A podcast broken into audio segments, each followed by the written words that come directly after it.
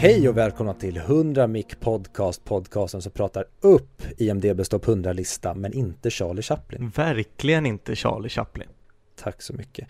Vi är då podcasten som görs i samarbete med Moviesin.se, Sveriges största filmmagasin på nätet och jag heter som vanligt Viktor och med mig som vanligt har jag Ja, eh, Fredrik. Vad kul att du kunde följa med den här veckan också och eh, idag har vi då kommit fram till Sergio Leones The Good, The Bad and The Ugly från 1966 och eh, med oss för att prata om den har vi Alexander Bitar.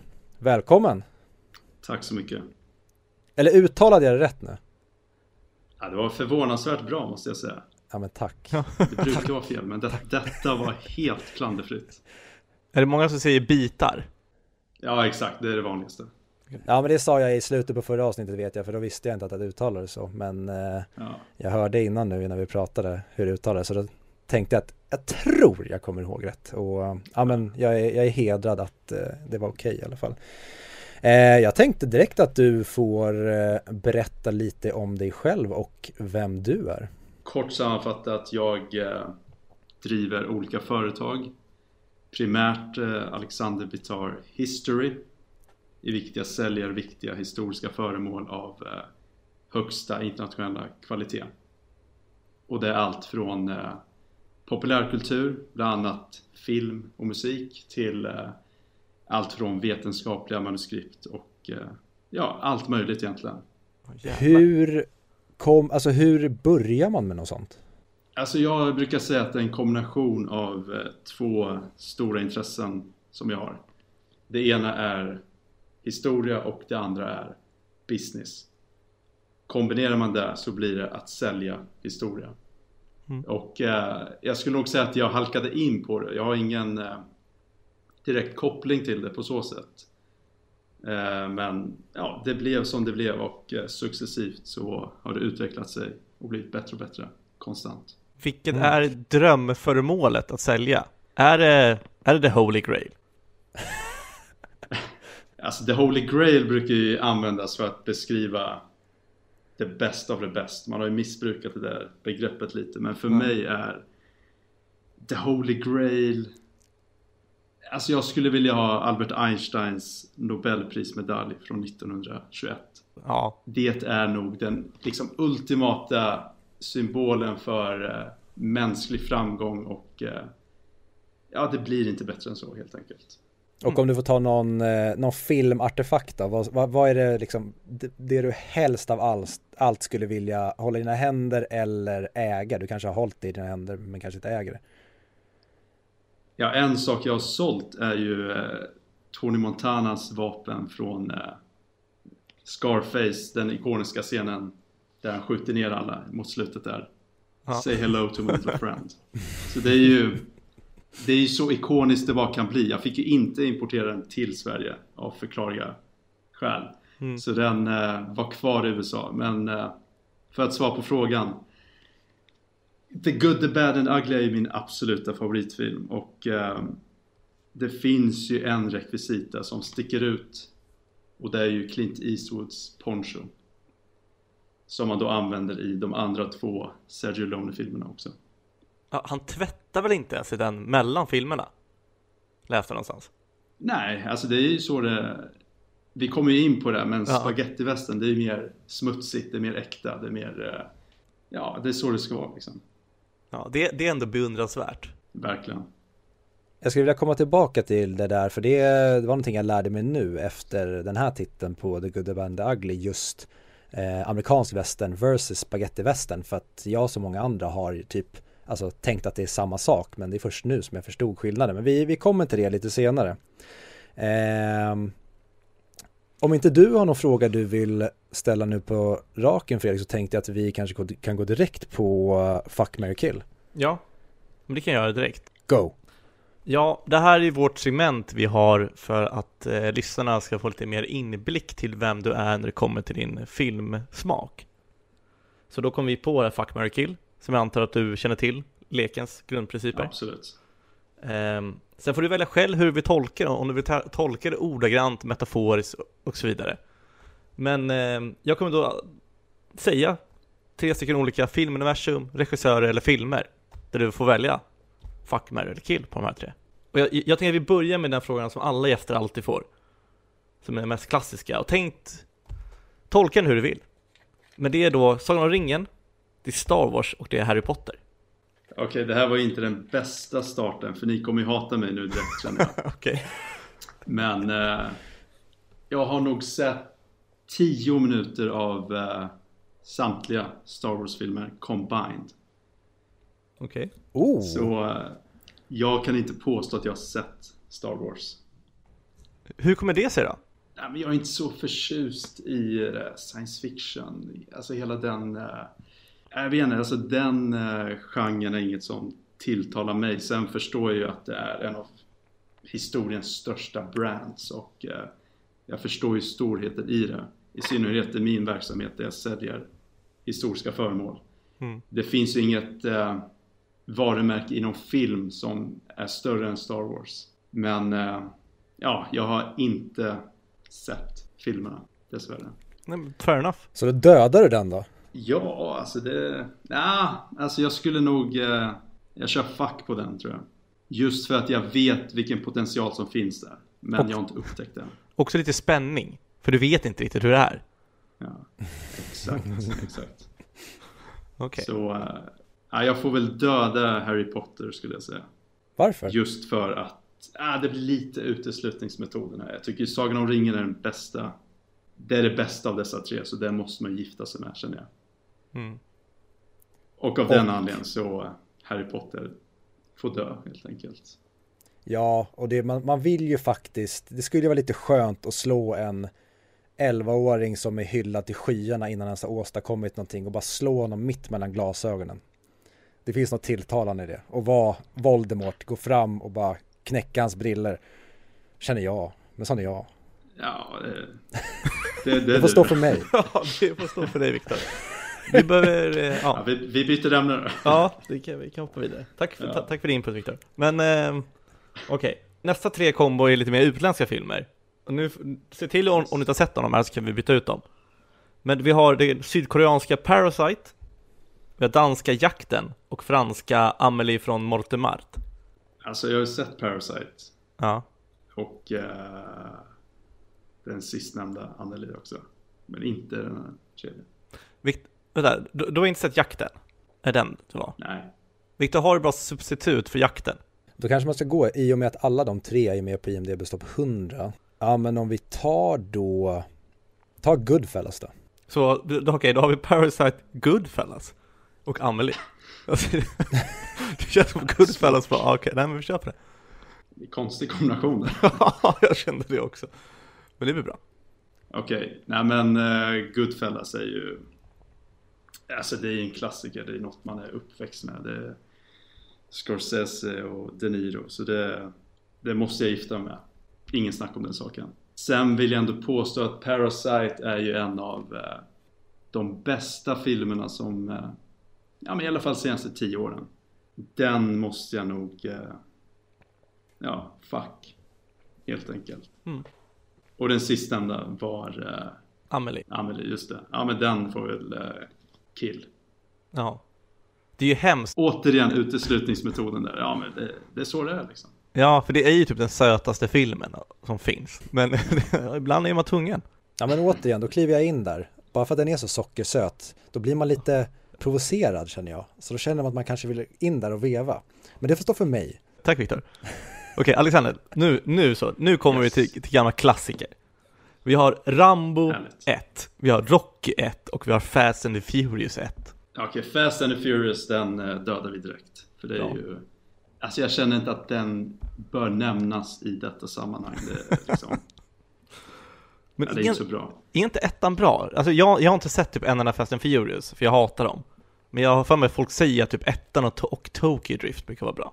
Alltså den är väl bäst av hela i den serien kanske, men eh, ja. det är inte i nivå med Rocky 1, det går inte att jämföra. Nej, okej. Okay.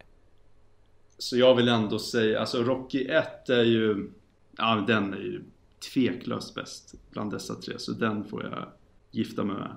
Och eh, First Blood får jag, ja, fuck. Men jag tycker ändå lite härligt att, att, du, att du kopplar att gifta sig är det bästa. Att du ändå har rankat dem på något sätt. Gifta sig bäst, ligga tvåa, döda trea. Det är ändå fint tycker jag. Ja, det känns väl ändå rimligt, eller hur? Ja, absolut. Nej men alltså, det är antingen det eller så kan man sätta kopplingen så att ja men Rocky blir en film jag bara vill ha så en, en one night stand med Medan eh, Rocky eller Rambo vill jag se om och om igen så det gifter jag mig med Men jag tycker ja, din okay. metod är mycket finare Ja det är så vi jobbar här Okej, okay. men nu, nu, nu, går vi vidare ja. till eh, regissörer Och då får du som sagt antingen koppla det personlighetsmässigt eller vad de har skapat för filmer Första tre har vi då Tarantino, vi har Nolan och sen har vi, eh, vad heter den förnamn Viktor? David Villeneuve.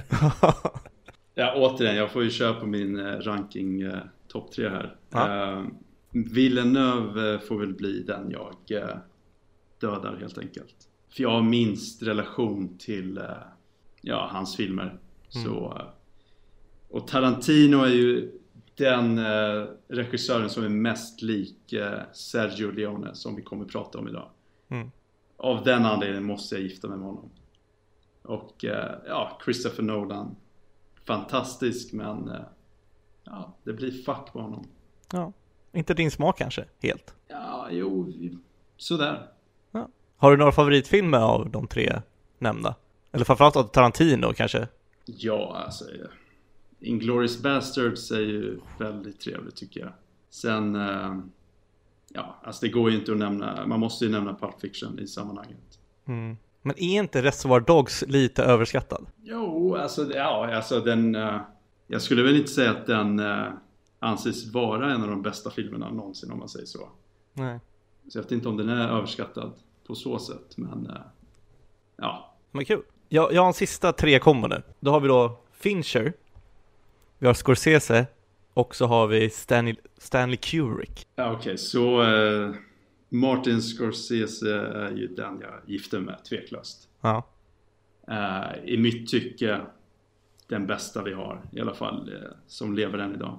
Och uh, ja, Fincher måste ju dö känner jag. För det, det är ingen som tilltalar mig så mycket. Okej. Okay. Mm. Och vem, vem, var den tredje där? Sorry? Stanley Kubrick. Ja, Kubrick det är Ja men alltså det, det är en riktig Han är ju Ja men en av de absolut främsta genom tiderna, det går inte att säga emot det. Nej. Så men... det får ju bli fuck på honom, absolut. Ja, han är ju det, men tycker du att han gör roliga filmer som du vill se? Ja, alltså Clockwork Orange är ju väldigt rolig. Ja, det, det är ju, alltså, den, har ju, den har ju så många element att uh, Nej men det är verkligen något jag vill uh, mm. se gärna om och om igen. Ja, för Viktor, hur många Scorsese-filmer har vi pratat om? Är det två? Vi stoppade ju själva in Shutter Island på listan men utav, utöver den så är det Goodfellas, det är Departed och det är väl dem? Jag, jag glömmer jag säkert någon ja. Uh, A Raging Bull är väl med, eller? Nej, det, jag tror de är på topp 250 men inte topp 100 Jag håller ju den som topp 10 genom tiderna faktiskt ja, kul. Inte sett Inte jag heller faktiskt, så då, den skriver jag upp direkt jag har den på Blu-ray men det är en sån här film som jag sparat och den har jag till och med en sån här dubbelutgåva med Rocky 1. Så jag har tänkt att nästa gång jag blir riktigt sugen på boxning då ska jag köra den som en double feature. Ja, nej men det där är väldigt bra film. Jag såg faktiskt om Taxi Driver för eh, ett par veckor sedan. Jag tror jag pratade om den i, i förra avsnittet men mm. eh, det är sjukt där eh, vad vad säger man, Scorsese och De Niro. Jag trodde att det var fler filmer emellan deras samarbete men att han verkligen körde mm. De Niro i typ alla sina filmer där från i slutet på 70-talet under hela ja. 80-talet eller bara 80-talet. Ja, nej men Taxi Driver det är, det är så bra det bara kan bli. För mig är det topp 20. Så Scorsese är ju, han har många toppfilmer i min lista i alla fall. Ja, nej, samma här. Han är ju hyllad som en av de främsta genom alla tiderna också. Ja, ja. Eh, sen hatar han inte Marvel. Eh, så det är kul. Nej, utöver det, bra. Viktor, vill du ge dig på en P3? Övergång till filmen. Oh, Okej, okay, så vi ska prata om The Good, The Bad and The Ugly och vi har precis pratat lite om Scorsese. Eh, ja, men vad fan, då hugger jag väl tag i Taxi Driver och säger att eh, från en person som är jävligt uppkäftig och eh, kaxar med väldigt många i Taxi Driver så ska vi nu prata om en annan jävligt uppkäftig jävel som går runt och lurar massa människor och gillar att skjuta människor i Tuco i The Good, The Bad and The Ugly.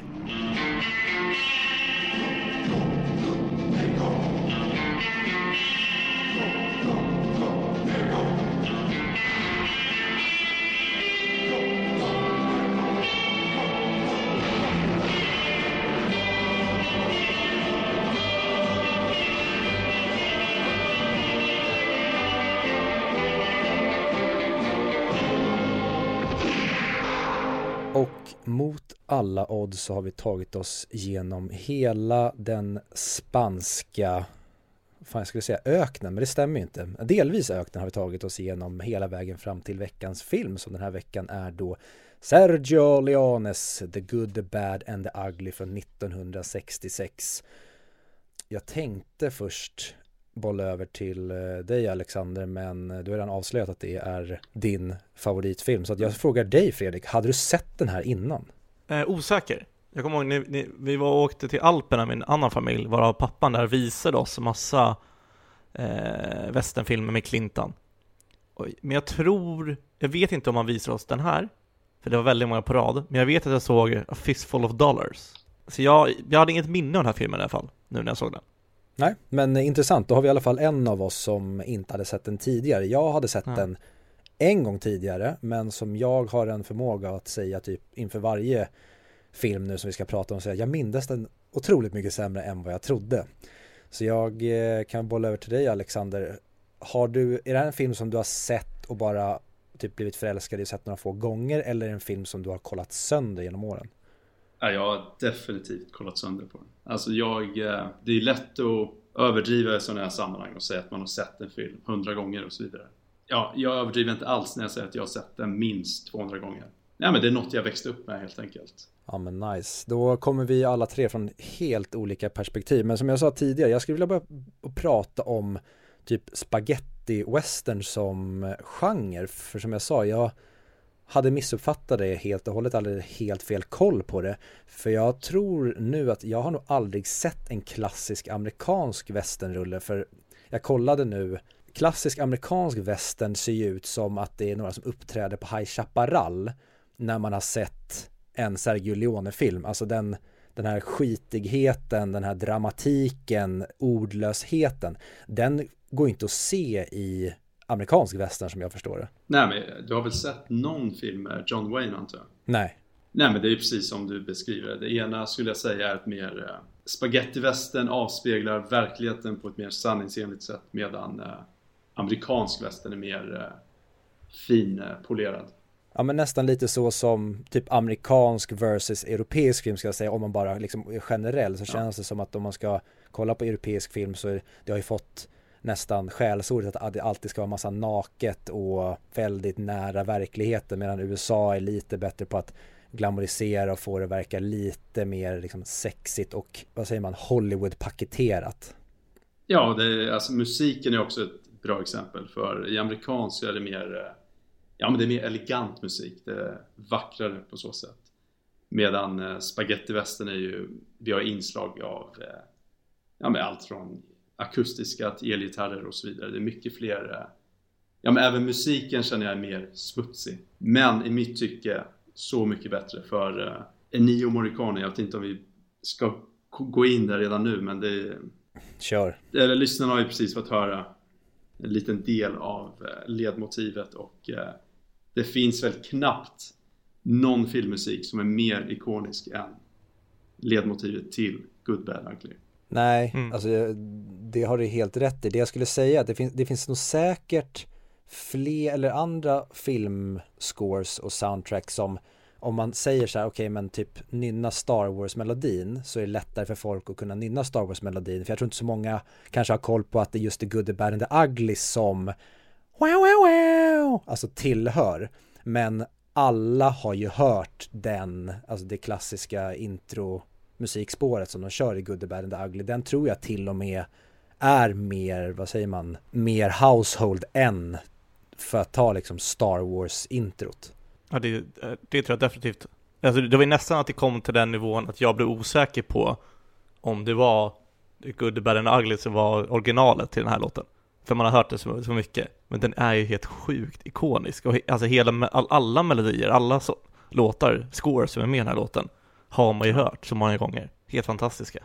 Ja, man ska ju tillägga att det är, det är inte enbart ledmotivet som är bra utan jag, jag vill ändå påstå att genomgående, genomgående i filmen så är det absolut världsklass av eh, Morricone. Musiken gör ju filmen till vad det faktiskt är. Och eh, det förhöjer alla scener, det förhöjer alla repliker, det förhöjer allt. Den här filmen är så pass tyst ändå som den är förutom de alla scener med Tuco när han ska babbla vilket också är helt fantastiskt att de kan blanda den extrema tystnaden med hans pladder. Mm. Men utan den här musiken så är det, det är knappt en halv film. Alltså den musiken får ju den att, vad säger man, den, den plockar ju med sig resten av filmens saker och bara reser ut i rymden för på den jävla nivån är det tycker jag. Sen, ja, vi kommer komma till det. Jag tycker att filmen är väldigt bra i övrigt och har otroliga delar men det är få filmer tycker jag som bärs så otroligt mycket av sin eh, musik som den här filmen. Ja, och just det du nämnde att det är en väldigt tyst film. Det är också en koppling till eh, amerikansk västern där Sergio Leone ansåg att eh, det var väldigt mycket dialog. Och han ville att man eh, skulle ha mindre dialog. Man skulle säga mindre, men samtidigt säga mer. Och det är, ju, det är därför det är väldigt kort och koncist, eh, men ändå mer kraftfullt i allt som sägs. I kombination med, ja, med ögonkontakt och hur man använder kameran och så vidare. Så det är väldigt universellt i den meningen att man förstår allt som sker utan att någon berättar vad som sker. Ja, vad coolt att det ändå blir som en så här, som en revolt eller som en ni har fel, ni har fel, nu ska vi visa hur man gör en film ordentligt. För vi har ju pratat om harmonika innan också och eh, Once upon a town, time in America. Men framförallt i harmonika, där får man ju verkligen den känslan också, för den är ju också gjord på det sättet. Alltså jag, jag kommer ihåg öppningsscenen pratar de ganska mycket då, Viktor de sitter och väntar på tåget, mm. de inte säger en replik på jag vet inte hur många minuter. Och, det, och jag, jag, tror även det är i den här filmen att det tar, det tar inte typ 9-10 minuter när de säger sin första line. Ja, exakt. Och det är ju så fascinerande hur man, sen kan jag tycka att, att han drar ut på det lite för mycket ibland, men det är så fascinerande hur han kan göra en sån långsam film, men ändå lyckas få fram så mycket samtidigt. Ja, alltså en av storheterna i filmen tycker jag är att man faktiskt, ja men i att det är så pass utdraget. Återigen, om vi tar en sista referens till amerikansk västern. Där är det väldigt mer effektivt sett till speltid och så vidare.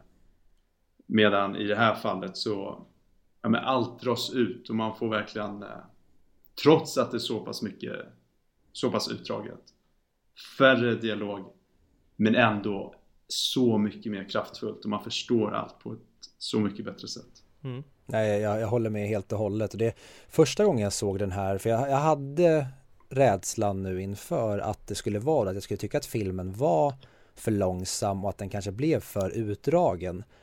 Men som du säger, med den här musiken och tystnaden så blev det bara extra kraftfullt den här gången. Och det som jag tänkte på den här gången också, det var att just det här med att den, den har ju inte så otroligt mycket handling utan det är verkligen en resa. Vi får följa de här tre karaktärerna och det är väldigt enkelt att de får reda på att det finns guld någonstans och sen så ska de ta sig dit. Sen sker det saker på vägen. Men det är liksom ingen avancerad plott än en gammal klassisk liksom skattjakt-story. Och när filmen var slut så kände jag verkligen att shit vilken jävla resa vi har varit med på. Det här är ingen film utan vi har ju fått en inblick i hur det faktiskt var på den här tiden då under alltså med, under liksom amerikanska inbördeskriget. Det kändes verkligen som att vi var där snarare än att det var coolt och balt och snyggt och det kändes väldigt filmiskt. Det här kändes nästan så att det blir vad säger man, dokumentära tavlor som bara pågår i tre timmar. Ja, så handlingen som sagt är inte i fokus här. Utan det är ju hur allting, hur alla scener utspelar sig. Och det är ju så eh, ja, men exceptionellt, det är konstnärligt hur, det, hur allt är utformat. Ja, eh, jag läste någonstans om en intressant vinkel på det hela är att hur han använder vad som händer och vad som syns är vad som är innanför skärmarna. Så att så länge man inte ser någonting på skärmen så ser inte karaktärerna heller det. Och jag får mig att ta några exempel om att alltså, eh, det var en hel armé bredvid, eller bara eh, scenen där de går mot Angel Eye, då går längs eh, gatan bara och folk hoppar fram och ska skjuta dem. Ingen ser dem förrän skärmen visar skurken, eller vad man ska kalla det. För där, där kan man ju alltid argumentera om att ah, det hade varit så lätt, varför är de inte bättre på att göra ett bakhåll och så vidare och så vidare. Men det är inte det filmen går ut på heller. Nej, men det är genomgående i hela filmen att man får följa det man ser i skärmen. Det, här, det är väldigt många exempel där det är så pass mycket runt omkring som man inte ser men som dyker upp från ingenstans. Mm, och samtidigt kan jag förstå kritiken som folk har till att den är för långsam för att jag såg eh, den har ingenting med varandra att göra men jag såg eh, Jorgos Lantimos The Lobster häromdagen. Då satt jag med den som jag satt och kollade på filmen med och sa det att så här, hur kan folk ogilla det här? För att den är väldigt speciell, den är väldigt okonventionell när det kommer till hur man gör filmer, framförallt liksom biofilmer eller blockbusters. Och då sa jag det, man kan inte riktigt titta på en sån film med de glasögonen. Samma sak skulle jag säga med The Good, The Bad, The Ugly. Du kan inte se det som att du ska sätta dig och se en alltså konventionell film för det är någonting annat. Det råkar vara en film med en början, en mitten och ett slut. Men det är någonting mer än det och någonting som du kan inte vilja ha för att liksom slå på någonting annat, slå på Fast and the Furious. Du kan inte vilja ha Fast and the Furious-filmer om du ska sätta dig och se sånt här. Du måste vara ute efter någonting annat som filmälskare eller åskådare för att uppskatta en sån här film och då kan du inte vara beredd på att det ska vara fart hela tiden, det ska vara tempo och din hjärna ska vara bara ockuperad konstant utan filmen växer så jävla mycket för mig i alla fall på grund av att den inte är så himla snabb eller då för att kontra till amerikansk western till att det pladdras hela tiden eller har ett extremt tempo. Håller med. Vad jag inte minns, vad gjorde Blondie, the good one, vad gjorde han innan han blev tillfångatagen? Han svindlade ju. Ja men det var väl Toko? Alltså han skulle ju, han, han låg där och skulle skjuta ner något rep var det väl? Eh, och då så, det är då Toko lägger en pistol mot hans huvud och sen ska han följa med där. De har ju samarbetat de samarbetade ju med att han, det var en reward för Tuko, han lämnade in honom, fick rewarden och sen sköt han loss honom. Ja, just det, okej, okay. ja. Och sen så började deras konflikt där då när Blondie till slut känner att, nej men fuck you, det, jag är trött på dig din jävel, nu, nu dumpar jag dig här mitt ute i ingenstans och får se hur du klarar dig. Och det är det som ja, men, triggar Tukos vad säger man, jakt och hämndlystnad så att han sen vill jaga i kapp Blondie och ta honom och det är därför de till slut hamnar då i öknen när Exakt. han ska ge tillbaka på honom. Ja, och sen så kommer kärran fram med, med de Bill Carson, här för mig han heter. Ja. Jag vet inte varför, jag, jag kommer ihåg alla namnen, det är första filmen jag kommer ihåg namnen på folk. eh, och så ligger han där, och sen, ja, ja men just det. Och sen får de reda på varsin halva, och sen, ja. Precis, och det som jag också kände den här gången när jag såg den det är att jag, jag fick så mycket Star Wars-vibbar i den när de till exempel rör sig i sandmiljön. Jag kände att fan vad jag hade velat se Sergio Leone göra en Star Wars, alltså att den, då, då menar jag original Star Wars Episod 4. Kanske också för att det finns, båda innehåller liksom eh, ökenmiljöer. Men just det att fan vad jag skulle vilja se en sån här mästare göra Alltså en klassisk idag väldigt stor IP Till exempel som att det pratades om att eh, Tarantino skulle göra en Star Trek. Jag vill se de här mästarna ta sig an populärkulturella fenomen för att de är så jävla bra på att göra film. Och sen finns det redan, vad säger man leksaksomslag som man kan klistra på filmen för att göra den, vad säger man, igenkännbar med populärkulturen idag. Men jag fick verkligen så här, shit vad jag vill se Sergio Leones Star Wars från typ 70 eller 80-talet. Det är verkligen någonting som jag önskar att jag hade fått se eller som jag önskar finns. Hade du sett Star Wars Alexander? Om, om han hade gjort den? Det hade jag nog gjort, det tror jag. ja. ja men där känner jag direkt att man fick likheter. Vi kan bara nämna det snabbt. Att, eh, för det finns ju en lönnmördare i Star Wars som verkligen har, de har tagit likheter i designen och sättet det var från spagettivästen.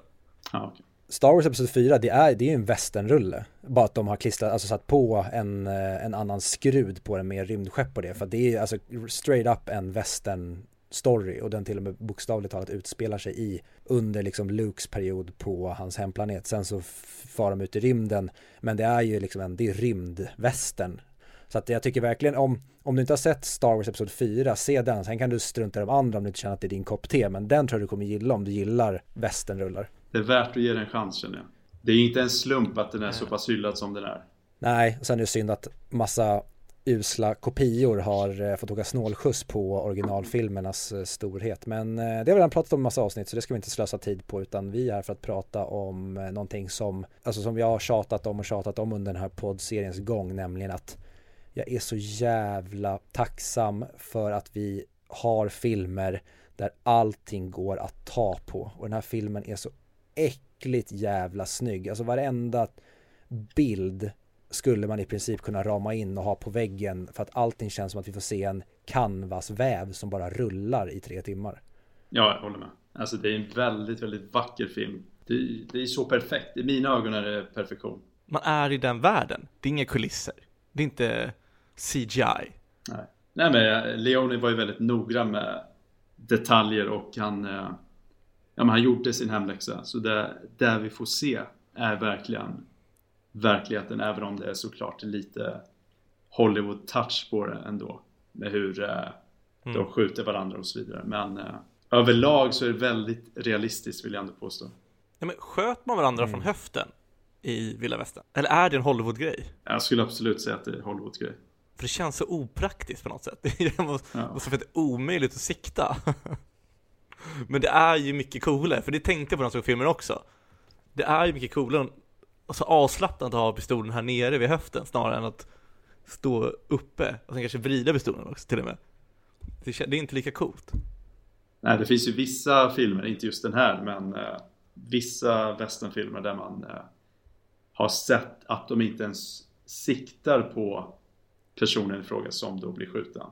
när de då skjuter från höften. Så ja. det säger väl en del att man inte ens på låtsas kan få det bli korrekt. Men, men annars, alltså är det Jag vet inte om ni kan mycket om hur det var för Vilda Västern och sånt Men du, men du sa att den är väldigt verklighetstrogen Är det mest till designer och sånt då? Eller var det så här det var att leva i Vilda Västern? Nej men jag, jag skulle nog eh, säga att det var ännu värre än vad vi får se I den meningen att det var ännu mm. mer smutsigt och vidrigt och allt vad det heter Så det är lite förfinat ändå men eh, I jämförelse med andra filmer skulle jag absolut vilja säga att detta är väldigt eh, nära verkligheten Mm. Du tipsade ju oss om eh, dokumentären, heter den, heter den Jakten på Sadhill? Drömmen om Sadhill var Drömmen om Sadhill, för den såg jag och eh, den eh, förhöj, som många behind the scenes grejer och dokumentärer om filmer så förhöjer den bara kärleken till en film. Och som vi har pratat om, till exempel nu pratar om Apocalypse Now Fredrik, att när man ser Hearts of Darkness så får man ännu mer kärlek till Apocalypse Now och det är verkligen mitt råd till folk som kanske har svårt för en genre eller en viss film. Se behind the scenes material till exempel om ni känner att det är svårt att playa en film eller om ni kanske inte tyckte om den första gången för då kommer ni få mycket mer kärlek till den färdiga produkten för det fick jag verkligen av den dokumentären och där fick man ju se bland annat en del från då inspelningen och då visar de en bild som de hade hittat från typ behind the scenes där Leone håller i någon bok och då kollade de någon någon av experterna i dokumentär, eller dokumentären, han kollade upp att det här är då en bok med bilder från då det amerikanska inbördeskriget här för mig att det var. Ja. Och där Leone verkligen kollade hur man låg när man var död. Så att istället för att man la liken på rygg som man kanske hade gjort i en vanlig film, då såg han i de här fotona att Nej, många lik de föll på magen för att de kanske sprang och blev skjutna i ryggen eller att de föll på det sättet. Så att han var väldigt noggrann med sina detaljer att det skulle passa in i den här tiden. Det är jävligt coolt. Ja, och det är ju verkligen en, en komponent som gör helheten så pass mycket bättre i slutändan. Ja, och sen också att han inte jobbar, i vissa scener så, så klipps det fram och tillbaka, men väldigt många av miljöscenerna de är ute på den här resan, då är det väldigt långa tagningar där kameran bara får vila. Och det älskar jag också att då känns det så otroligt mycket mer dokumentärt när kameran bara följer dem under 30 sekunder eller vad det kan vara upp till en minut utan att de klipper. Då känns det mycket mer som att vad skönt att vi får vila här. Ni försöker inte gömma någon slags kuliss eller att ni har byggt upp en studio utan ni är verkligen på plats och litar på att vi kommer tro på illusionen trots att ni inte håller på med klippning fram och tillbaka. Men just vid de mest intensiva scenerna, exempelvis eh, när personer blir skjutna. Då klipps det väldigt mycket. Och eh, den kombinationen är ju, det är väldigt lugnt och stillsamt. Men när man vill ha action, då får man det. Verkligen, och Tarantino hade ju med, nu vet inte vad han heter, men eh, klipparen, eller Tarantino, Freudian slip, eh, Leone, han hade ju med sin klippare, vill han ha med på plats under inspelningen. Ja. Bara för att han skulle få en mer känsla av vad det här skulle bli för typ av film. Sen vet jag inte om det var just till den här filmen eller om det var någonting som, som Leone använde sig vid en annan film. Men jag har för mig att de, de gjorde musiken innan filmen så att skådisarna hade hört feelingen till vad vi skulle vara i för mode. Vet du någonting om den detaljen? Ja, det var denna film och i synnerhet sista scenen. Låten Ecstasy of Gold spelas som är fantastisk. Där spelades musiken upp on the set. Oh. Så alla visste egentligen hur man skulle agera utifrån eh, ja, filmen skulle bli så pass optimalt som möjligt. Ja, det är så jävla briljant tycker jag. Och jag har varit med, hade jag fått ta en roll i en film och någon spelar upp Excessive Gold för mig innan jag ska skådespela, då kan jag ta med fan säga att då hade jag vunnit Guldbagge, Oscar, allting. För alltså det är som bara tjack som skjuts upp i ens röv. Ibland när jag brukar träna, då brukar jag sätta på typ när jag är ute och springer sista delen när jag börjar vara som tröttast, då är det bara så all right, nu är det läge för ecstasy of gold, så slår jag på den. Och det känns på riktigt som att man får någon jävla boost för att det är bland det mäktigaste, alltså i, vad säger man, musikstycke som har gjorts någonsin. Ja, jag håller med. Ja, just den där slutscenen där eh, musiken i fråga används där. Det är ju den eh, eh, kyrkogården som är kopplad till dokumentären som du nämnde precis, som finns på Netflix by the way. Och eh, ja, i korthet, de återuppbyggde hela kyrkogården som används i sista scenen i The Good, The Bad and The Ugly. Ja, men i princip efterliknar hur det var för 55 år sedan. Ja, och det, jag tyckte det var så sjukt dokumentären för att den dalen eller den platsen man ska säga med det berget i bakgrunden. Det är märkligt hur den, att de inte hade tagit till var, eller vad säger man, exploaterat den platsen tidigare för att bara den viewn innan de återställer gravplatsen är helt jävla otrolig. Så jag tänker att det måste finnas otroligt många sådana platser som är typ lika vackra eller ännu vackrare på den platsen i Spanien. För det ser verkligen surrealistiskt ut när de filmar med sina dronebilder på den här platsen. Ja, absolut. Men visst, de byggde kyrkogården för filmen? Den fanns inte innan Sad Hills? I, Nej. Ja, exakt. De byggde den och eh, den bestod av 5000 gravstenar. Ja, det är ändå imponerande. De fick ju hjälp av, eh, ja den spanska armén hjälpte till med byggandet ja. av eh, kyrkogården där. Jag antar du kan det kanske Alexander, det där med bron också? Ja, det är ju ännu bättre story. Så eh, en väldigt central scen i filmen är ju då Ja, det är en bro som är Man kan säga att den är en del av själva resan att nå eh, kyrkogården. Och för att då komma över den bron så måste de spränga bron. Och det ser man i filmen, men, men det man inte får se är att de faktiskt sprängde bron utan att spela in den. Mm. Så det blev ett misstag där de råkade spränga bron utan att filma. Det resulterade i att de var tvungna att bygga upp bron på nytt. För att sen göra om sprängningen. För visst var det så att de hade gett uppgiften till någon som tillhörde armén väl som skulle få chansen att trycka på sprängknappen och han var inte med på att man kör liksom tystnadtagning, alla ja. redo och sen att man säger action. Så att när Sergio Leone ger den första signalen då tror han att det är dags för honom att spränga. Så ja. han bara pangar på innan någon ens är redo. Ja. Och typ ingen förstod vad som hände och sen har Clint Eastwood berättat i den här dokumentären att han såg bara Leone komma helt högröd i ansiktet och bara skrikandes på italienska för att han var så jävla förbannad över vad som hade skett. Ja, det var någon general där. Och, och han skulle ju springa när de sa vai, alltså kör.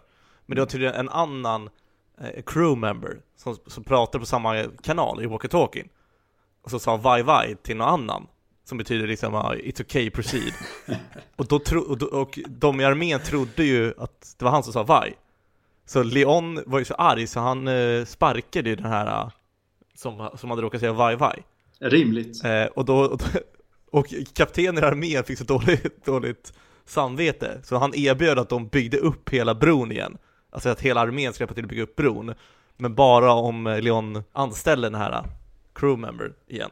och sen så fick de till hela. Ja. Ja, folk har ju fått sparken för mindre grejer. Ja, men, ja verkligen. Stackare.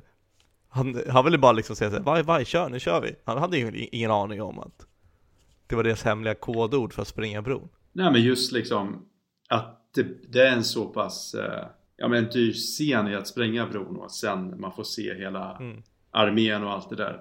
Det är ju en del av att filmen börjar väldigt eh, ja, men i liten skala. Ett litet hus och det är några personer där. Till att det blir något helt episkt och ja, men det eskalerar genom hela filmen och det är väldigt eh, det blir perfekt till slutscenen där allting bara avgörs. Var inte en kritik till harmonika Viktor att den påminner väldigt mycket om slutscenen i den här filmen? Jo, för det tänkte jag nästan nu när jag, för jag minns den här så dåligt. Då blandade jag ihop många saker eller scener från just Once upon a time in the West med den här och då trodde jag att det skulle vara den typen av duell. För den duellen mindes jag mycket mer än den här. Eh, jag, jag mindes inte alls att de skulle stå tre stycken mot varandra som de gör och ha den här duellen på det sättet. Så ja, helt rätt. Leone var ju inte någon som eh, han skrev inte ner sina idéer och allt utan han hade ju allt i sitt huvud där. Och inför den scenen, det enda, den enda informationen han hade gett till hela crewet och så vidare var att tre, de tre huvudkaraktärerna skulle mötas i en duell. En dör. Mm. Så de två meningarna blev då 30 minuters och det är en av hans storheter att han, inte, han har allt i sitt huvud och det, ja, men det gäller ju alla hans filmer.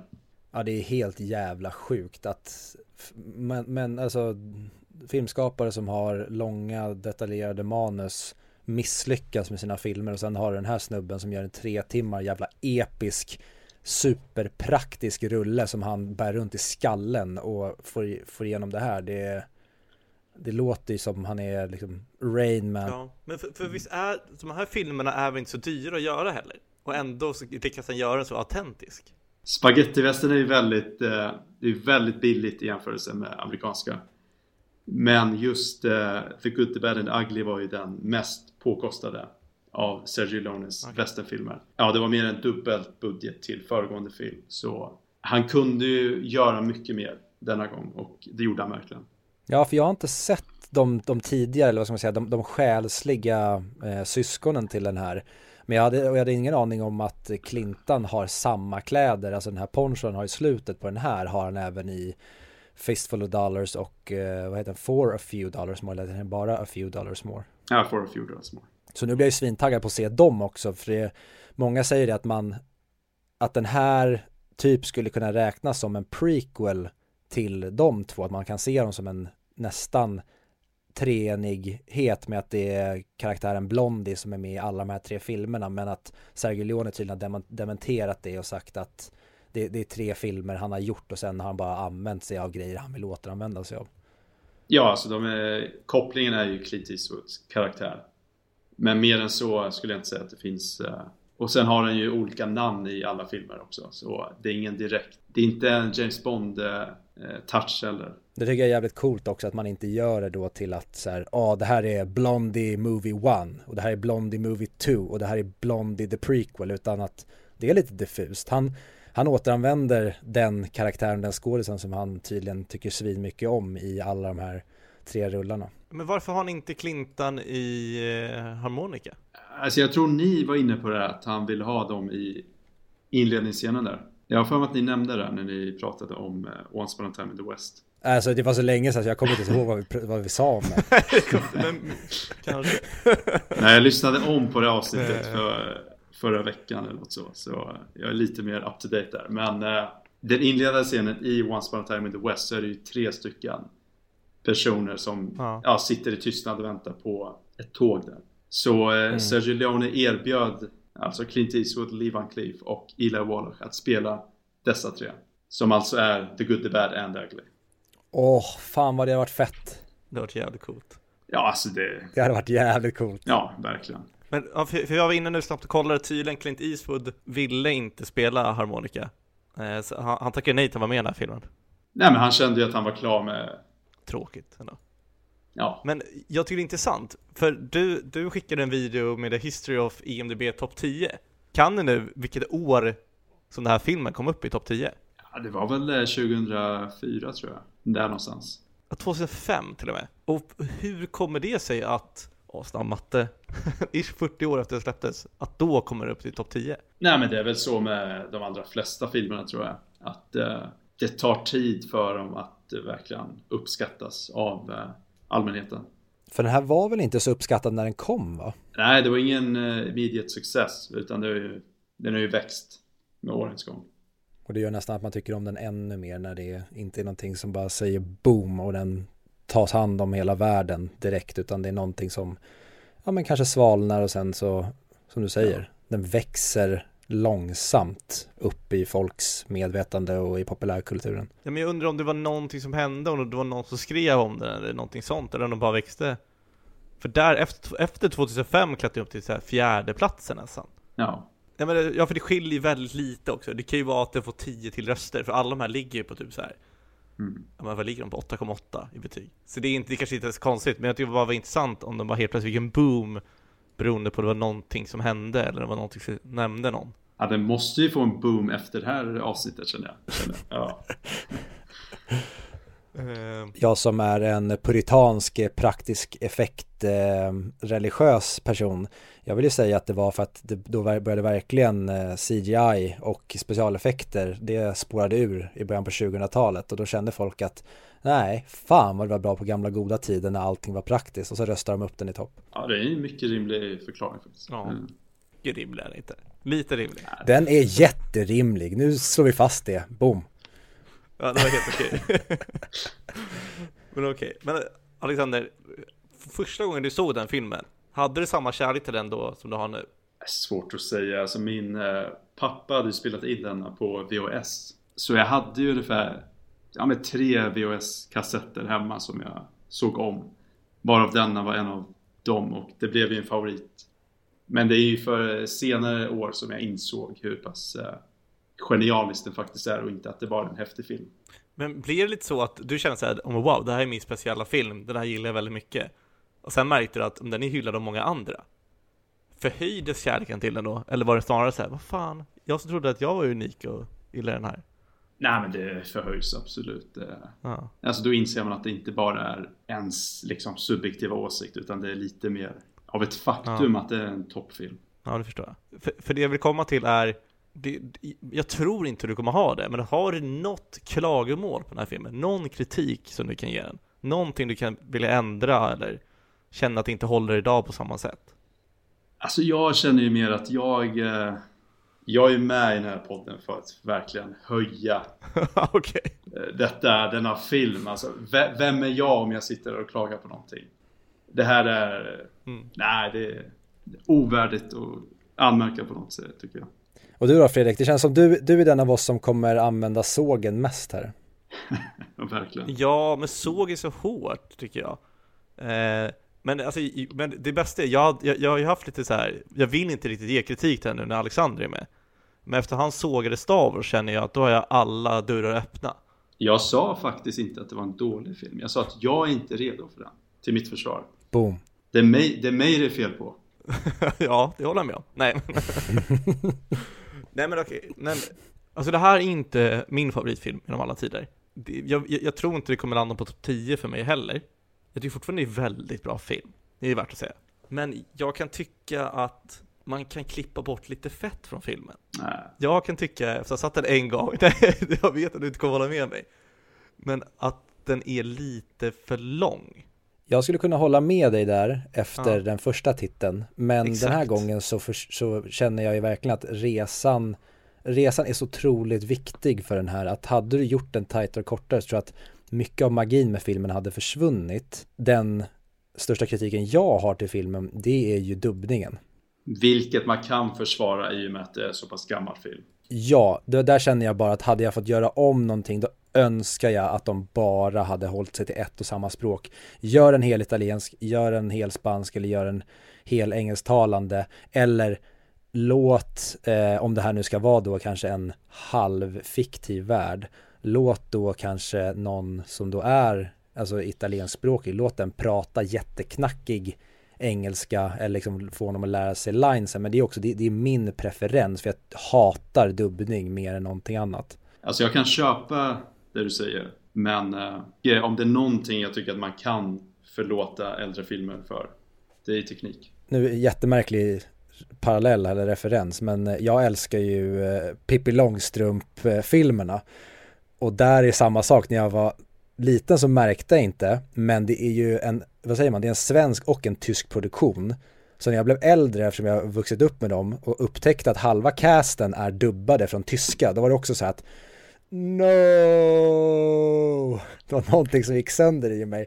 Men det är också för att jag är väldigt hatisk mot dubbning generellt. Det, det enda som egentligen kommer undan för mig när det kommer till dubbning det är typ eh, Disney-filmer och Pixar-filmer. Ja, men bara för, för försvara mig själv sista åren. Jag tycker att det går lite för långsamt nu, men jag tror inte det kommer vara så när jag ser om den. För alltid när man ser om en film och vet vad som kommer hända, då, det är då man kan njuta av det fina. Första yes. gången man ser en film, det är då man vill att saker ska hända och få en handling och att det ska gå framåt. Andra gången man ser en, eller när man ser den upprepade gånger, det är då man kan njuta av konsten den faktiskt är. Så därför, jag tror inte att det här kan vara en 10 av 10 film första gången man ser den. Jag tror det är nästan omöjligt för alla. Jag tror man måste se den flera gånger för att förstå hur stor och bra den är. Eh, och dubbningen tänkte inte jag på ens, om jag ska vara ärlig.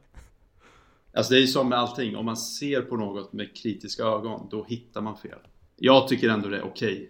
Sen får vi komma ihåg att det är de tre huvudrollsinnehavarna, de talar ju alla engelska. Nej, däremot så tycker jag tyvärr, för de har ju, mycket av ljudet är ju pålagt efter och jag tycker tyvärr att, eh, för det, även till exempel ta Tuko, han är ju dubbad av sig själv som jag förstår det. Ja. Men där tycker jag att eh, synken på honom ibland är jätteoff. Men återigen, nu är jag nere på liksom väldigt nitpickig nivå. Så att det är inte så att jag säger att fa filmen faller på något. Det här är bara grejer som jag ska hitta kritik till den. Och så precis som du sa Fredrik, jag håller med dig om den här långsamhetsgrejen. För jag, jag, sku, jag sätter inte ett toppbetyg på den den här gången.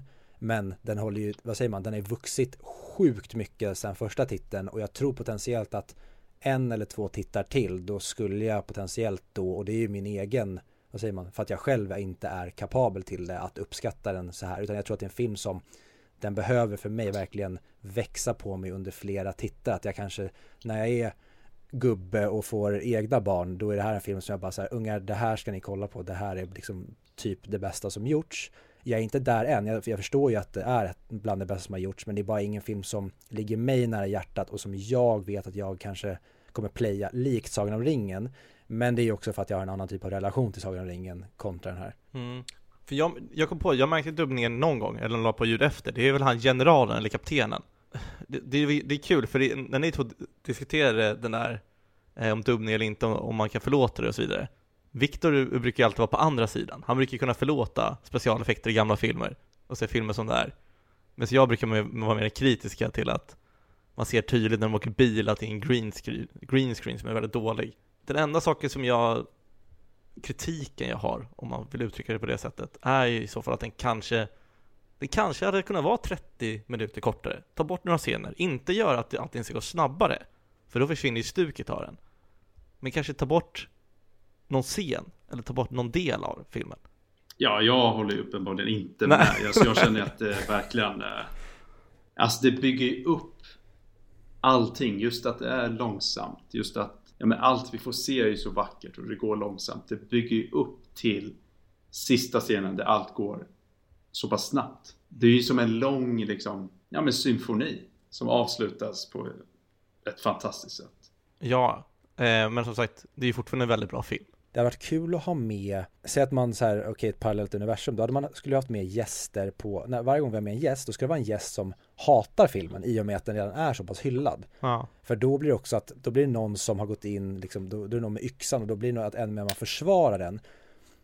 För då hade man fått liksom höra kanske helt andra grejer från någon än liksom när man verkligen älskar en film. För det har ju typ alla gäster gjort som vi har haft med. Det är att alla vill ju prata om sin favoritfilm.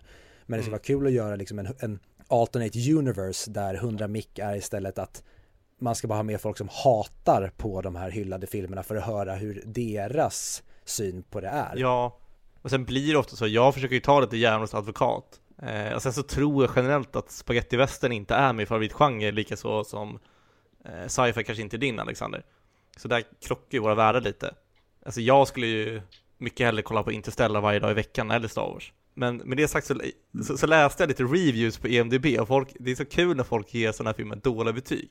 För det är så absurda argument. Något argument var att ja men i, eh, in the Civil War så slogs de inte på sådana där sandställen. Och, så, och då fick den 1 av 10. Jag, tycker det är så sjukt om man inte kan se filmen för vad det är. När det kommer till filmer av denna kaliber, alltså alla betyg som är 1 och 2 borde ju raderas helt för det är inte ja. Ja. men det ger absolut ingenting och det är bara haters som eh, vill sänka den här filmen för att höja sina filmer. Det är så det funkar. Håller med. Ja, och det, det, tycker jag säger så mycket om filmen ändå då när den ligger så högt som den gör. Att det är ändå så pass många som har gett den ett så högt betyg. För det är så jäkla lätt för en film. Det räcker med några reviews som är eller några betyg som är låga så sänks den på, på grund av liksom ett snittbetyg. Men de här filmerna som vi är inne på nu här på topp 10, de, de har en, alltså att den har 8,8 väl är ju helt jävla sjukt att det är så många som älskar den alltså så pass mycket som de gör. Det säger så mycket om filmen tycker jag. Ja men, men det är så här, folk som ger en ett betyg. Alltså förstå om de skulle faktiskt se en dålig film. Fast and Furious. Alltså man kan inte... ja. Nej, ja, men sånt där blir det. Man måste försöka vara lite, lite nyanserad när man sätter betyg också. Och där. Men sånt där har vi pratat om tidigare i podden också när vi var inne i det träsket. Med folk som bara vill vara en motkraft så mycket som de kan. Men så är det ju med alla filmer. Alltså Gudfadern är också ett ord. Alltså ja. det, så by the end ja. of the day så tror jag det jämnar ut sig lite grann. Men vi har ju inte ens pratat om eh, karaktären än. Ja, jag hade ingen aning om, säger jag nu när jag ser om den, om hur jävla rolig den är. För den är så jävla fyndig och den är verkligen, jag förstår ju Tarantino att han verkligen är Sergio Leones största fan för det finns så mycket Tarantino-eska bitar i den här när det kommer till nästan att det blir absurt i vissa situationer för att de gör det så jäkla pajigt är fel ord men det blir nästan det blir meta filmskapande till exempel som när eh, Blondie gör någonting och sen spelas liksom som att det blir som att han spelar sitt eget theme när han gör en snygg grej. Och det älskar jag med den här hur rolig och kaxig och verkligen hur coola alla är. Till och med Tuko mm. är svincool. Ja, alltså som eh, tittare så man, blir, man får ju en eh, stämpel på varje karaktär. Uppenbarligen för att en är good, en är bad, en är ugly. Men eh, det är så pass mycket mer än den ytliga stämpeln, eh, stämpeln som man får i början där. Alltså om vi tar ett väldigt konkret exempel. Den gode är den som dödar flest i filmen. Han dödar 11 personer. Medan den onde enbart dödar 3. Varav en är i självförsvar och de andra två är för att han har fått betalt för att döda dem. Så det är inte mm. så pass eh, enkelt att bara särskilja dem med deras titlar utan eh, ja, men alla är lite en blandning av allt kan man säga. Ja, det därför kan jag tycka också att titeln kanske blir lite missvisande, att den till och med sätter upp när de presenterar eller till och med avslutar filmen och då presenterar Blondie som the good. För att jag tycker inte att han är good, det är ju bara att han kanske är lite mer, han, han håller lite mer löften och kanske inte lika genomrutten som framförallt Tuko är. Men att säga att han är god, det tycker jag verkligen inte. Han kanske är god med den här tidens mått. Men jag tycker verkligen inte att det är liksom en, en hel snubbe utan han är ju också full av brister som de andra. Ja men verkligen, men jag tycker också att det är väldigt uppfriskande att det inte är tvärondska som i Titanic. Att det är en som uppenbarligen är superond och en är supergod. Att det är den här lite mer gråa, grå, zonen i godhet. Och att det finns två ansikten på, eller två sidor av myntet hela tiden. Ja, sen vill jag bara kommentera det Viktor sa. Nej men just med Clint Eastwood att han är the good. Tänkte du på att mot slutet av filmen så blir han mer ja, men humanitär och när han hjälper den där döda soldaten och eh, att han låter Tuko ändå leva och att han delar pengarna och så vidare. Alltså han blir lite the good mm. mot slutet där känner jag. Även om han genomgående är faktiskt ond i mångt och mycket. Nej men definitivt som du säger att många pratar om, eller vi har också pratat om duellen. Men av, alltså sista scenen är också helt jävla episk. Att han låter honom hänga där. Och så rider han iväg. Och sen kommer han tillbaka och bara skjuter ner honom och sen det avslutet som vi får. Och det här med, ja men bara stillbilderna och när texten skrivs på varje karak karaktär, det är, det känns nästan så här, om man, om man inte visste att den var från när den var så skulle man säga att det här känns jävligt gjort. Men den här filmen är ju också så jävla full av, vad säger man, firsts. Att det är så mycket mm. som andra regissörer har sen bara tagit rakt av från den här för att den var först med sina svinballa grejer som den där typ som man får se i Tarantino-filmer. Att det blir verkligen en, en tydlig presentation som i Ta Inglourious Bastards där man alltså verkligen får se The Bastards present presentation. Mm. Skulle man kunna säga att han är egentligen alla tre, Blondie? Är han the bad, är han the ugly och är han the good? Alltså att han börjar bad, han blir lite ugly och sen så avslutar han good. Ja, absolut. Alltså, det är som sagt en mix av allt, tycker jag i alla fall. Han blir ju bokstavligt talat ugly när han blir helt jävla sönderbränd ute i öknen. Det är fan sant. Ja, det där, ja, men ni måste ju ändå ge att det där är ju fantastiskt gjort. Sminkningen är ju världsklass där. Ja. Ja, det är så jävla bra. ja, men det är sönderbrända läppar, samma sak när han har lämnat Tuko ute och han har ja. vandrat tillbaka. Jag får ju på riktigt, jag gick nästan och hämtade mitt eget Lepsyl bara för att säga jag måste ha lite extra Lepsyl nu ja. för jag, fan, det känns torrt att bara se på dem. Ja. och det är ju något som kan kompensera för eh, det ni anmärkte på innan kanske. ja, ja, och återigen, det, det, är inga grejer som för mig sänker filmen. Ja. Utan det här är bara så här, om, om jag ska klaga på grejer, och det är som Fredrik sa också, att den här typen av miljö, det är inte min favoritmiljö eh, att kolla filmer. Alltså western Nej. generellt är långt ifrån min favoritgenre. Jag till exempel tycker lite sämre om Django Unchained bara för att den utspelar sig i alltså västernmiljö ibland kan jag känna för att jag tycker det och det, det är nog för att alltså så här, vad säger man cowboy-pastischer har förstört det för mig mm. Mm. men just öken tycker jag också ibland kan bli, vi har pratat om det Fredrik, när jag, så här, typ krigsfilmer och speciellt typ Irakkriget. Det är miljöer som inte gör så mycket för mig. Jag är mycket mer en person som gillar filmer med, med grönska och det tror jag också är en så här Sagan om ringen-skada, att Nya Zeelands miljöer är right up my alley och då kan mer torra miljöer bli någonting som jag inte tycker är lika intressant. Men ändå så tycker jag att den här filmen gör så jävla bra med sin westernmiljö. Ja, nej men jag skulle inte säga att jag är ett stort western-fan per se utan det är snarare att det här är så pass mycket mer än bara en westernfilm. Det här är, ja, som, det är en film som Exakt. råkar utspela sig i en sån miljö. Ja men det är därför den blir så bra som, som den blir. Ja. Tänker jag. För att hade det bara varit en westernfilm kanske de inte hade haft samma kärlek till det. I alla fall inte jag som inte gillar western. Eh, sen, så kanske, sen, sen kanske det drar ner från att det är en topp 10 film för mig. Eh, hade det varit i Sagan om ringen-miljön kanske det varit det, eller vem vet? Om man bortser från västern och det, som även faktiskt, om man ska vara helt ärlig, kan hylla, eller höja den också i och med att de gör det så himla verklighetstroget och det är så smutsigt. Ja. Förutom tänderna. Tänderna är alltid spikvita, har jag märkt, i sådana här filmer. Eh, men det, men det, det är skitsamma, det är ingenting man tänker på. Det tycker jag bara är en rolig sidogrej, att stjärnorna alltid har vita tänder i alla filmer. Ah, det är en fantastisk film. Men, men jag tycker Alexander, om det är någon som inte har sett den här filmen, har du, hur skulle du övertala dem att se den här? Hur skulle du pitcha in den här filmen? Du som är en affärsman. Det är ingen slump att den är på nionde plats. Det är ingen slump att den har varit på topp 10 i 20 år. Det är ingen slump att det är en ikonisk film, att det är en klassiker. Alltså allt som har en så pass hög status tycker jag ändå att man ska ge en chans. Och sen om man har en dålig attityd och inte vill eh, ja, hålla på med sånt så det är fine. Men detta är ett, ett etablerat mästerverk och eh, ja, det är bara att ge det en chans helt enkelt. Mm. Jag skulle säga om jag skulle pitcha den här för de skulle bara säga så här kolla bara på introt och tycker att introt inte tilltalar dig ja men då kan du dra åt helvete för då, då kommer du inte palla med resten av filmen heller för det är, vad säger man, jag blir nästan aggressiv av introt för att jag blir så uppspelt av det. Det är verkligen intro-perfektion. Det finns många bra intro men ta mig fan kan det här vara det bästa, bästa introt som har gjorts för det är så jäkla coolt och kaxigt. Ja, det var en bättre pitch än min faktiskt. Det var bra.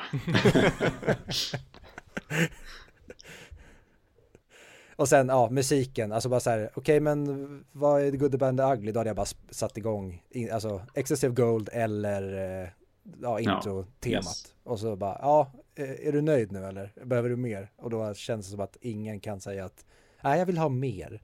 Ja, jag köper det. Men eh, om vi ska gå över till eh, betyg då och Alexander, ja, vi vet ju redan att du sätter en 10 av 10 men om, om vi säger så här, du, personligt kanske du sätter en topp 1, det vet jag inte.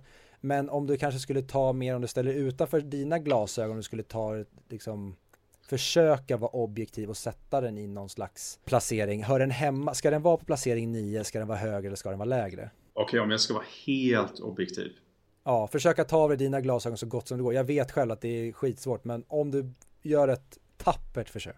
Det här är ju en subjektiv åsikt. Det, alltså, det är svårt att jämföra olika konstverk på så sätt. Det går inte att säga att detta är bra eller detta är dåligt utan det är ju en subjektiv åsikt. Men om jag verkligen ska försöka vara professionell här. Det är tidernas bästa film, så enkelt är det. Om jag bara tänker så här, regin är perfekt, musiken är perfekt, scenografin är perfekt, klippningen är perfekt. Hur man jobbar med kameravinklar och inzoomningar och allting sånt. Inramningarna, allting är perfekt. Alltså det är nästan en förolämpning av mig att påstå att det enbart är tidernas bästa film. Jag vill ändå säga att det här är det absolut främsta konstverket alla kategorier genom tiderna. Detta är bättre än Mona Lisa. Det här är bättre än allt som Shakespeare skrev. Det är bättre än allt som Bach komponerade. Det är bättre än Sgt. Pepper. Det här är det bästa som någonsin har skapats. Alla kategorier. Så det är topp ett. Tveklöst. Du siktar inte lågt i alla fall? Jag fattar att folk kanske inte håller med, men jag förstår också att folk håller med. För det blir inte bättre än detta, om man summerar allt. Om jag fick välja så, så tycker jag det. Och jag förstår din sida. Jag hade nog inte placerat den på topp 10. Jag hade nog gett den en 9 av 10 i betyg. Någonstans 20 placering tror jag. Ja, det är, det är ändå bra. Alltså... Det är ändå väldigt bra. Men jag är, jag är väldigt restriktiv med mina 10 poänger också. Ja. Det, det, krävs mycket för att jag, för att den ska falla in i min i min topp, alltså i 10 skaran. Jag tror bara jag har 10 filmer än så länge som har fått den. kanske kommer några fler nu på listan. Eh, men jag vet inte, den, den når inte hela vägen för mig än. Potentiellt så har, har den utrymme att växa för mig, för jag är ju precis, jag är ju nykär. Jag har inte blivit förälskad än. Nej. Jag har bara varit på, på, på någon dejt med den här filmen. Kanske haft ett one night stand, men jag, jag, det krävs ju lite tid innan jag måste fria och kanske gifta mig med den. Rimligt. Ja, det tycker jag, det tycker jag är ett jättebra alltså, sätt att säga på den här filmen att vissa filmer blir man förälskade i direkt men sen svalnar över tiden att det var så här, ja det var, du var jätterolig att vara ute och festa med en natt som vi pratade om, alltså man tar typ Fuck, Mary Kill. Men det här är verkligen en giftermålsfilm för det är en film som och många av mina absoluta favoritfilmer är så att de kanske inte har varit favoriter från början. Men sen bara växer de och växer de för varje titt och mm. sen är man helt jävla förälskad i dem, precis som ett riktigt bra förhållande. Att det, det är någonting som behöver växa över tid och liksom komma, inte, nödvändigtvis inte underifrån, men den kan inte börja på toppen för då kanske den, när man ska på andra dejten, då har man alldeles för höga förväntningar och så var det inte lika roligt. Det var liksom bara första dejten med den här personen som var väldigt överraskande och tog en på sängen. Och det tycker jag verkligen att den här filmen har. Det är ju en film som står i test of time och som du sa Alexander att det är ju ett mästerverk på så otroligt många plan. Varenda komponent i den här i princip är ju slår i taket. Men med det sagt, när jag hade sett klart den då kände jag att det här är en klockren 8 av 10 just för att den inte träffade mig i hjärtat eh, direkt så. Men när jag såg Sädhill-dokumentären och nu när vi har pratat om den så höjer jag den ändå till en 9 av 10. Och det är för att jag tror att den här filmen som jag sa, se om den en eller två gånger, då kommer den sen växa och jag kommer få den kärleken som du Alexander.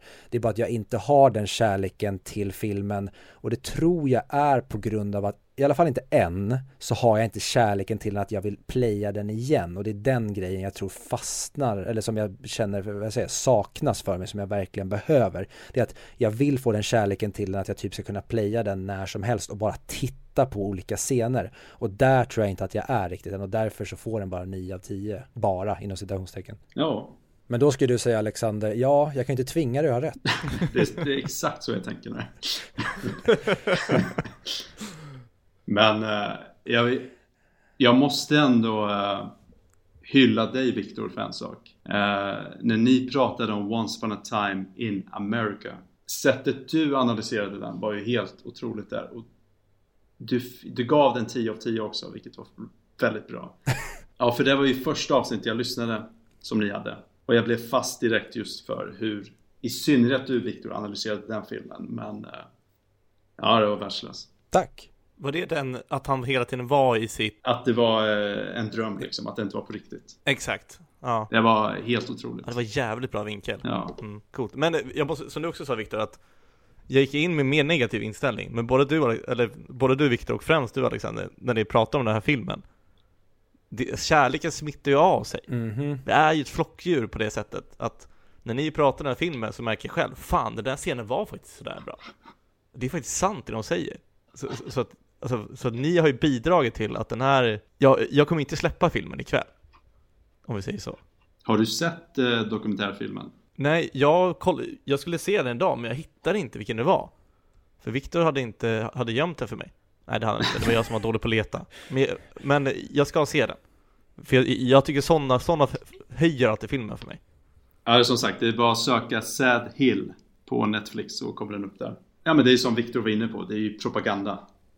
Och det gör ju att man uppskattar det. Man ser saker och ting ur ett annat perspektiv och man uppskattar det på ett annat sätt.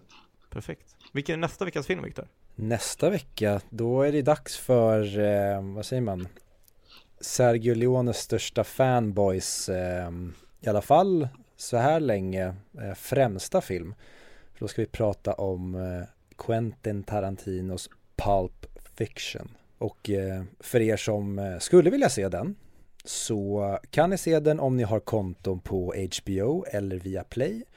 Annars så kan ni hyra eller köpa den på Blockbuster, Apple TV och Rakuten TV. Och som vanligt så kan ni följa oss på våra sociala mediekanaler. 100 mic heter vi på dem, eller 100 mic podcast heter vi också på vissa. Instagram, Twitter, Facebook. Så det är bara att fortsätta skriva om några frågor eller om ni bara vill ge positiv eller negativ kritik. Ja, Hur eh, kan de hitta dig Alexander då, om de vill prata mer om filmen? Va, vad heter du på Insta? Eh, Bitar Alexander. Och sen kan man också gå in på Alexander Bitar History. Exakt. Men tack som fan att du ville vara med ja tack så fan. och prata om den här filmen. Nej, det är jag, jag som ska tacka, verkligen. Vi säger väl eh, som vi alltid gör. Vi eh, hörs nästa vecka lyssnarna och tills dess så säger vi, vadå Fredrik? Harakiri. Harakiri!